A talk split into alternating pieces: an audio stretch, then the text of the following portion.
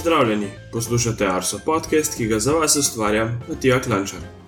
Vstopili smo v mesec oktober, jutranje temperature so vedno niže, spremembe, predvsem v barvah, vidimo tudi na vegetaciji. V srednji temi bomo danes govorili o jesenskih slanah in koncu vegetacijske sezone.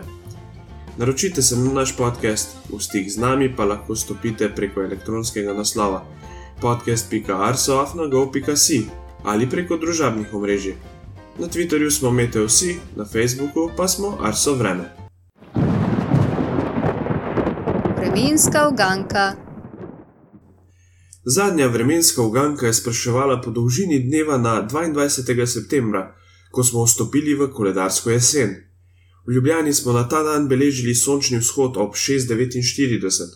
Sonce je zašlo minuto pred 19. uro. Dan je bil torej, torej dolg 12 ur in 10 minut. Mogoče ste se vprašali, zakaj na dan enako noče dolžina dneva ni enaka 12 uram. Dan je za 10 minut daljši zaradi loma svetlobe v ozračju in same definicije vzhoda oziroma zahoda sonca. Gledamo zgornji rob in ne središča ploskve. Današnjo uganko pa je za vas pripravil prognostik Blaž Šter. V zadnjih dneh je bilo ponekod na Balkanu, v Italiji, Grčiji in Turčiji nenavadno vroče. Na Hrvaškem so izmerili nov oktobrski rekord, 30 eh, in še nekaj decimalk. V Palermo in Siciliji so v soboto zabeležili celo 38 stopinj, kar je nov italijanski oktobrski rekord. Kakšna pa je najvišja temperatura, ki smo jo v Sloveniji izmerili v oktobru, pa nas zanima v tokratni vremenski uganki. Odgovore na današnjo vremensko uganko nam lahko tako kot ponavadi zapišete na Facebook, na Twitter ali pa jih pošljete na naš elektronski naslov podcast.arsoafna.go.si. Osrednja tema. Po lepem in suhem septembrskem vremenu je v zadnjih dneh meseca sledil vremenski obrat z deževnim in občutno hladnejšim vremenom. Najviše dnevne temperature zraka, ki so še po 20. septembru tudi v notranjosti države gibale okoli 30, so padle na 10 do 15 stopinj Celzija. Ob ohladitvi je vrhove že pobelil sneg in v visokogorju so se jutranje temperature zraka že spustile pod ničlo. Spremljevalka jutranjih nizkih temperatur je lahko tudi slana. O pojavu slane in ob koncu vegetacijske sezone gostim dva gosta. Andreja Sušnik je iz oddelka za agrometeorološke analize in bo nekaj več povedala o vegetaciji, Gregor Vrtačnik pa iz oddelka za podnebne analize bo razložil pojave slane in kot ponavadi postregel z nekaj zanimivimi številkami. Pozdravljena oba. Pozdravljen. Pozdrav. Morda za začetek, kateri pojav imata najraje jeseni, Andreja? Barvanje listja, čudovite barve narave.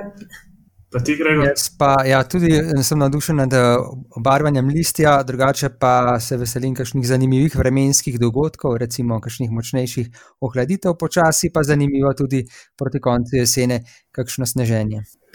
Uh, ja, mogoče, kar me zelo navdušuje v tem jesenskem času, je tudi nabiranje gob, ki jih sicer letošnje leto še nisem uspela nabrati v košarico, pa tudi ostale jesenske plodove, kot je kostan. Eh, in ostalo, kar pač pada z gozdnega dreva ta trenutek. Odlično. Ja, tudi meni je všeč to barvanje jesenskega listja, kar pa mislim, da reč, da tako večini eh, poslušalstva in pa eh, splošne publike je to, ta jesenski pojav zelo pri srcu. Gregor, kaj je sploh slana? Slana je pojav, ki običajno nastaja v jasnih in mirnih nočeh, ko se ozračje in pa tla močno ohladijo. Uh, ohlajanje zraka poteka z infrardečim sevanjem, ki ga oddaja zemljino površje. V, uh, na kopnem govorimo predvsem o rastlinski vdeji in pa o golih tleh. No, in v nočnem času, kadar je dovolj hladno, se ob stiku tav in zraka začne izločati Eh, vodna para. Zdaj, če je temperatura nekoliko višja, govorimo o rosi, se pravi, se pojavijo kapljice na, na, na rastlinah.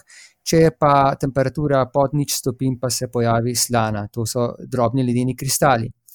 Uh, pri tem je pomembno, da je uh, zrak dovolj vlažen, namreč včasih, ko je ozračje zelo suho, so, se zrak lahko ohladi pod nič stopinj Celzija, vendar te slane ne opazimo.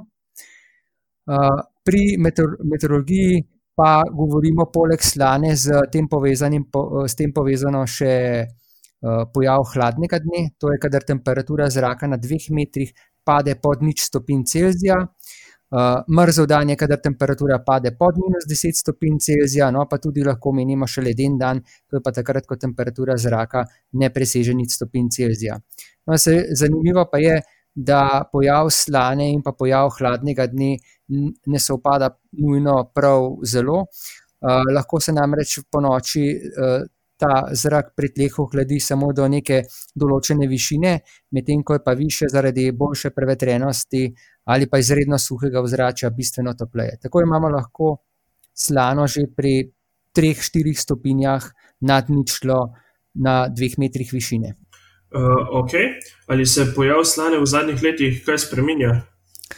Uh, v zadnjih desetletjih se jeseni nekoliko ogrevajo, sicer manj kot drugi letni časi, pa vendar kaže, da je slana in pa tudi hladni dnevi nastopijo nekoliko prej, kot smo bili to vajeni v 60-ih, 70-ih letih prejšnjega stoletja.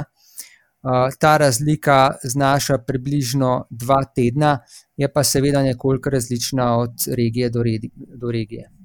Kdaj in pa kje pa se pojavljajo prve slane oziroma hladni dnevi? Imamo ja. v Sloveniji kakšne take izrazite območja? V Sloveniji imamo uh, kar nekaj podnebnih pasov, tudi tako da je tudi pri pojavu prve slane velika datumska razlika med posameznimi regijami. Uh, v mraziščih na Notranjskem oziroma na Dinarski gorski pregradi ter v nekaterih alpskih dolinah se prva slana običajno pojavi že septembra in seveda tudi prvi hladen dan. Včasih imamo slano tudi že avgusta, niti ni tako zelo redko. Nižine v notranjosti dosežejo prvo negativno temperaturo, običajno v drugi polovici oktobra ali začetku novembra. Uh, še kasneje se pod ničlo hladi v zatišnih nižinskih legah primorske, naprimer v Pavski dolini ali pa uh, na območju letališča Portoroš in okolice. Medtem ko v toplejših delih uh, Nižinske primorske, v termalnem pasu, naprimer v Goriških brdih ali pa v dvignjenih delih Koperskega primorja, pa slana pogosto nastopi šele, oziroma prvi hladen dan šele decembra. Uh, gremo mogoče zdaj na uh, vegetacijsko sezono. Prej smo že omenili, da smo v bistvu ob koncu vegetacijske sezone. Katere jesenske fenološke faze pa imamo, pa kako je zdaj s koncem vegetacijske sezone, Andreja? Ja, kot si že omenil, ta trenutek se tudi narava poslavlja v tako imenovanega letnega vegetacijskega obdobja. Uradno, konec vegetacijskega obdobja nastopi nekje konec septembra. Ne? Tudi uradno imenujemo vegetacijsko obdobje, obdobje nekje od aprila do konca septembra. Kot pa je Grega že prej omenil, pa se seveda glede na vse podnebne spremembe, ki smo jim priča v zadnjih letih, se v zadnjih letih tudi konec vegetacijske sezone pomika vse bolj v oktober oziroma v posameznih letih celo v začetek novembra. To je sicer, da rečemo, neko navdušenje tudi za pridelovalce, ki gojimo rastline v, v srednji Sloveniji, saj se na naših vrtovih in poljih pojavljajo rastline, ki lahko dozorevajo kasneje, to se prav bolj rečemo toploljubne rastline, ki jih pravzaprav v preteklosti nismo mogli gojiti. Ne. Ko si pa omenil, katere fenološke faze oziroma katere razvojne faze rastlin pa so značilno za to obdobje leta, pa smo že na začetku omenili, da je seveda barvanje listja, ki značilno zaznamuje to obdobje in seveda ne na zadnje, eh, faza, ki temu sledi, pa je odpadanje listja. No, pa dajmo zdaj povedati kaj več o tem barvanju listva, listja, kako sploh pride do barvanja in kako se spremenja čas jesenskega obarvanja. Ja, rastline dobro razumejo, eh, ko se začne jeseni krajšati svetli del dneva in podaljševati noč, eh, s tem so povezani vsi fiziološki procesi v rastlini. Seveda pa so poleg eh, same dolžine dneva oziroma noči zelo pomembno vpliva na obe fazi, tudi eh, pomembno vplivajo tudi ostali okoljski dejavniki, kot je naprimer temperatura zraka, padavine, eh, tudi prehranjenost in, in zdravje same rastline. Zaradi tega pa je vsaka jesen po tej svoji značilnosti unikat. In seveda je s tem povezana tudi intenzivnost in žar jesenskih barv, je zato značilna in posebna za vsako sezono posebej. Če mogoče omenim še, kdaj se listi najlepše obarvajo. To je takrat, ko je prehod iz poletja v jesen nenaden, ko so dnevi še sončni, topli, noči pa so še hladne in sveže. In takrat vendar še ne gredo pod ničlo. Takrat se v listih prenehajo nastajati nosilci zelene barve, tako imenovani klorofil, listne žile se počasi zaprejo in v listih zadržijo sladkorje, iz katerih se formirajo čudovite barve, ki smo jim priča. Te obarvajo eh, liste pač v različne odtenke barv, od ognjenih, rdečih do škrlatnih barv. In lahko rečemo, da je letošnje leto, je bilo nekaj zadnjih dni temu zelo naklonjeno, vse eh, so bili dnevi še zelo prijetno topli, noči pa sveže. In zato smo lahko tudi v pogledu na gost opazili, da v mešanih gozdovih zelena barva že pojema na svoji jakosti, vanjo so se že prikradli rjavi in rumeni toni. Zdaj pa to vreme, ki smo ga nekako deležni zadnje dni, izobilo dežja, zaenkrat še ne zgodnjo slano, pa bomo pravzaprav verjetno prikrajšani za razkošje jesenskih barv. Eh, po, če pride do slane, pa z dreves namreč eh, drevesa hitro poromenijo, barve postanejo manj izrazite, listi hitro odmrejo in odpadejo. Kako pa je kaj po nadmorski višini? Je kakšna zakonitost?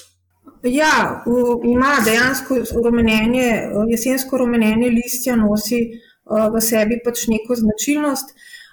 Prej bomo lahko nekako jesenske barve opazovali, če se podamo visoko v hribe, kot pa v nižinah. Če dan samo za primer, zelo splošno razširjena Bukov, ima na tisoč metrih nadmorske višine v poprečju pojav jesenskega rumenenja v zadnji dekadi septembra. Nižje na višini tam nekje od 600 do 800 metrov, je to kar deset dni kasneje, okrog prve dekade oktobra, še nižje v dolinah, pa v drugi dekadi oktobra ali celo v zadnji dekadi oktobra, ponekod celo v prvih dneh novembra. Kot je že Grega preomenil, seveda velika raznolikost slovenskega podnebnega prostora omogoča, da imamo tudi veliko raznolikost eh, različnih fenoloških faz po Sloveniji. Eh, množično pa se seveda Buku eh, odene v rumeno v drugi dekadi oktobra. Mogoče še za konec te teme, tematike, kako pa spremenjanje podnebja vpliva na dinamiko samega zaključovanja letnega ob, obdobja listopadnih dreves. Recimo. Vem, da si že prej omenila, da se ta vegetacijska sezona malce podaljša v oktober ali pa celo v november. Ja, v dolgoletnem nizu podatkov, ki jih hranimo na Agenciji za okolje o fenoloških razvojnih fazah, opažamo trend eh, kasnejšega nastopa jesenskih faz.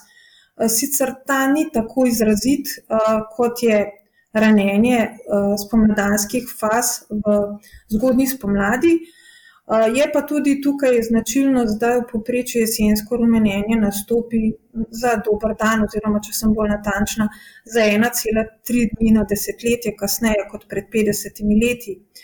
Eh, seveda to lahko podkrepimo tudi eh, razlog je v, v spremembi podnebja, to je posledica hitrejšega ogrevanja spomladi kot jeseni. Eh, če dam kot primer, oktobri so se v 50 letih ogreli za 1 do 1,5 stopinj Celzija, april, ne, kot se pa umila zaradi ranjenja spomladanskih faz, pa za, kar za več kot 2 stopinj Celzija.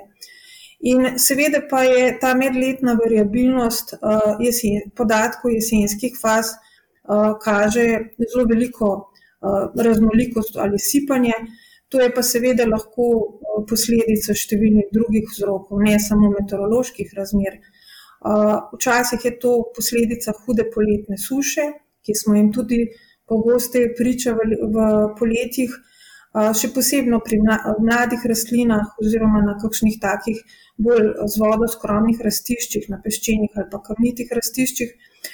Lahko pa je tudi vzrok tega hitrega jesenskega rumenenja tudi deževno obdobje, strajna megla, tudi naprimer visoka vlaga. Ne na zadnje pa lahko k temu prispevajo tudi različni škodljivci. En tak primer je, ki ga množično opazujemo po celi Evropi, je, da je divji kosta, naprimer, zelo zgodaj porjavi zaradi škodljivca listne zavrtalke ali pa pač češnja zaradi listne luknjičavosti. To pomeni, da vzroki za zgodne rumenjenje pravzaprav so tudi v drugih, drugih elementih, ne samo v vremenskih razmerah. Poglejmo pa še zdaj, kako se letošnja jesen izraža na vrtu.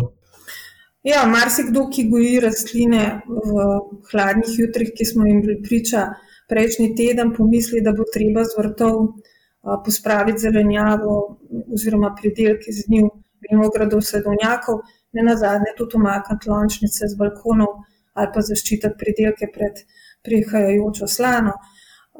Seveda nam je letošnje leto nam je šlo kar na roko, se je bil topel in suh september je godil vsem vrtninam. Še vedno smo skoraj do zadnjih dni lahko pobirali plodove bučk, kumar, paradižnika, še vedno imamo polne vrtove solate. Seveda pa je, zdaj bo počasi prišel čas, ko bo pa treba vrtove pripraviti na, tudi na pojav prvih slan in jih na ta način tudi zaščititi. Edini mogoče zmagovalci hladnega zraka oziroma jesenskih slad so mogoče kapusnice, ki pravzaprav pridobijo na svoje okusnosti šele takrat, ko jih oblije prvi hladen zrak. Kako pa je z žiti? Ja, prihaja čas uh, setve ozimnih žit.